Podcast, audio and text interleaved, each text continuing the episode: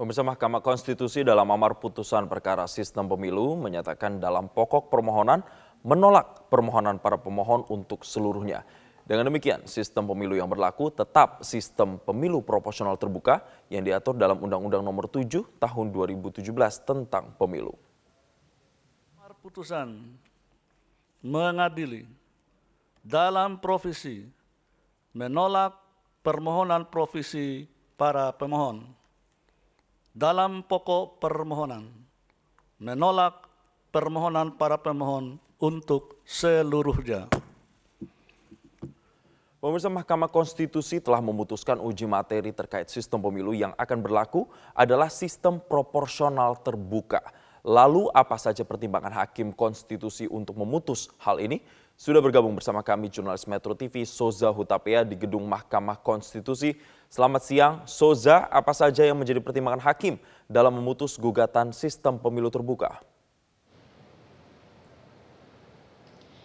Baik, selamat siang Jason dan juga pemirsa. Setelah kita mengikuti jalannya sidang sejak pukul 9.30 waktu Indonesia Barat tadi dan hingga kurang lebih pukul 1 waktu 1 siang waktu Indonesia Barat dan dihadahului dengan pembacaan terlebih dahulu atas lima putusan lain yang memang dijadwalkan pada hari ini, akhirnya kita mengetahui bersama-sama apa yang menjadi keputusan dari Majelis Mahkamah Konstitusi mengenai gugatan judicial review atas Undang-Undang Pemilu khususnya mengenai sistem pemilu untuk tahun 2024. Di mana tadi dalam amar putusan yang dibacakan atau diucapkan oleh Saldi Isra selaku Wakil Ketua MK ia mengatakan bahwa ini ada dua hal. Yang pertama untuk dalam provisi ataupun permohonan provisi yaitu permohonan pendahuluan sebelum putusan akhir uh, dijatuhkan itu ditolak dan kemudian untuk pokok uh, gugatan secara keseluruhan ini juga ditolak oleh majelis hakim. Artinya adalah bahwa untuk pelaksanaan pemilu 2024 yang seluruh rangkaian tahapannya ini sudah mulai berjalan, ini akan tetap menggunakan sistem proporsional terbuka.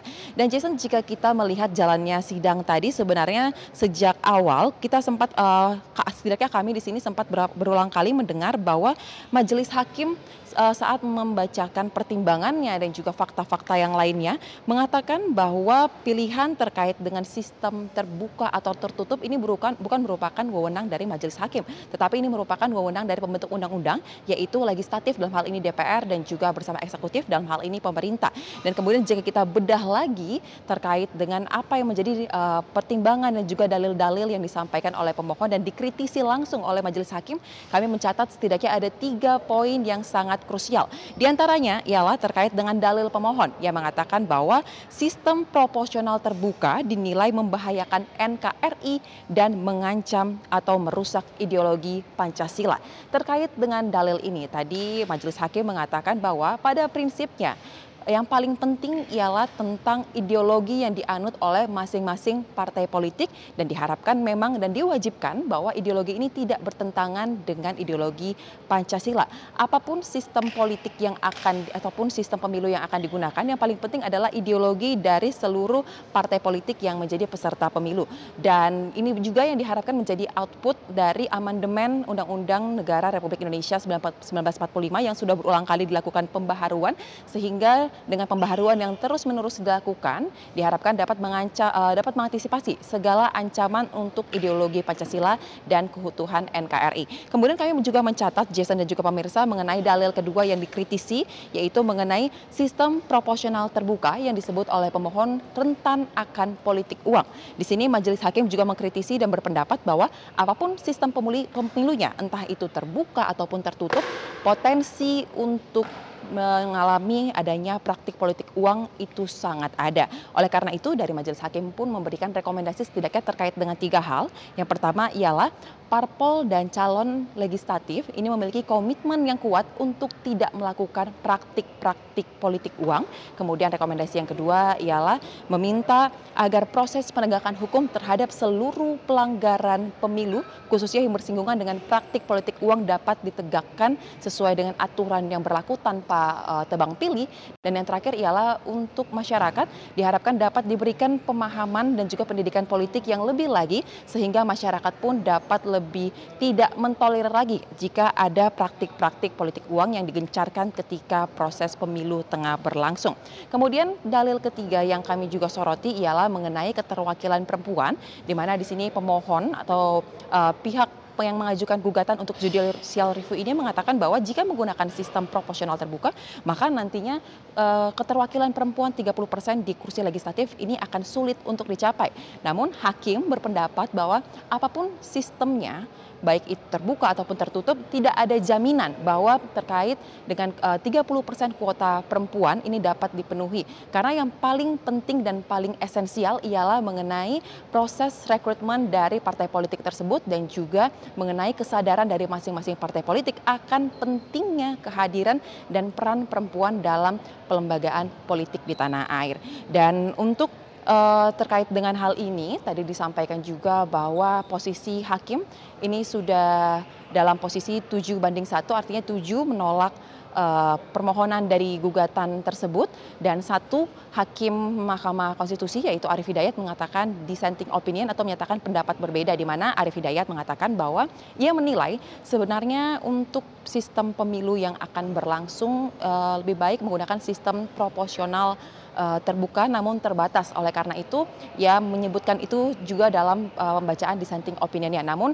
tadi kami sudah mengkonfirmasi kembali kepada jubir dari Mahkamah Konstitusi, dissenting opinion ini tidak memiliki arti apa pun, hanya memang harus diucapkan mengingat ini merupakan suatu keputusan yang diambil dalam rapat pemusyawaratan hakim.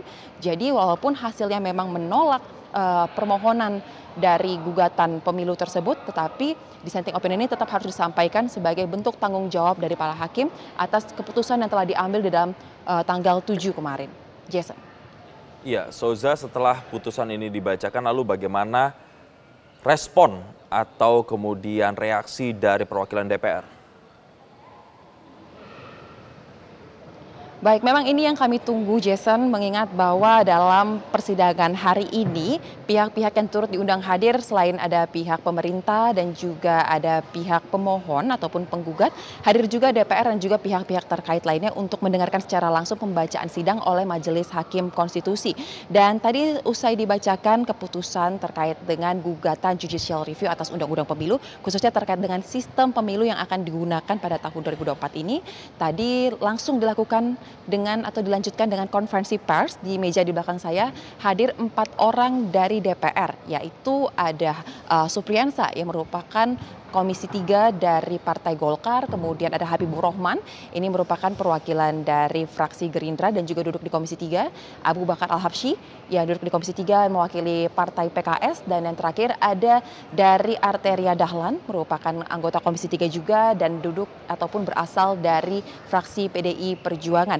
Hampir secara garis besar pada intinya DPR memberikan respon bahwa mereka sangat mengapresiasi dan menyambut positif apa yang telah diputuskan oleh Mahkamah Konstitusi dan memang inilah putusan yang sangat diharapkan. Mengingat bahwa memang tahapan pemilu 2024 sudah berjalan dan saat ini yang tengah berlangsung ialah verifikasi dari seluruh berkas bakal calon legislatif. Yang dikhawatirkan memang jika ternyata pemilu ini diubah menjadi sistem tertutup, maka parpol-parpol yang sudah mendaftarkan calegnya dan juga para calegnya tentunya harus mengubah strategi lagi jika nantinya menggunakan sistem tertutup. Namun karena pada akhirnya sistem terbuka kembali dilakukan atau digunakan, akhirnya mereka dapat melanjutkan strategi yang telah disusun.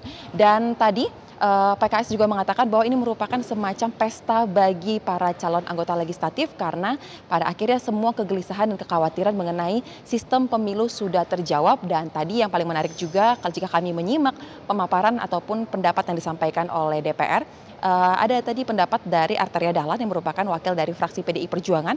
Meskipun kita tahu bahwa selama ini dari DPR sendiri terpecah suaranya. Ada sembilan parpol di parlemen, delapan di antaranya melakukan pernyataan keras menolak untuk mengubah sistem dari terbuka menjadi tertutup. Namun ada satu parpol yaitu PDI Perjuangan yang tetap konsisten untuk mendukung agar pemilu dilaksanakan dengan sistem tertutup. Dan Arteria mengatakan bahwa memang secara ideologis partainya menginginkan bahwa itu uh, pemilu dilaksanakan dengan sistem tertutup namun karena sudah diputuskan oleh uh, majelis hakim, hakim konstitusi mereka pun mengapresiasinya dan mengatakan ini merupakan hasil perjuangan bersama. Tetapi ia memberikan penekanan bahwa terkait dengan demokrasi secara prosedural ini tetap harus berjalan tetapi tidak menjadi alasan bahwa demokrasi secara substansial ini akan tetap menjadi PR bersama untuk menjalankan Republik Indonesia.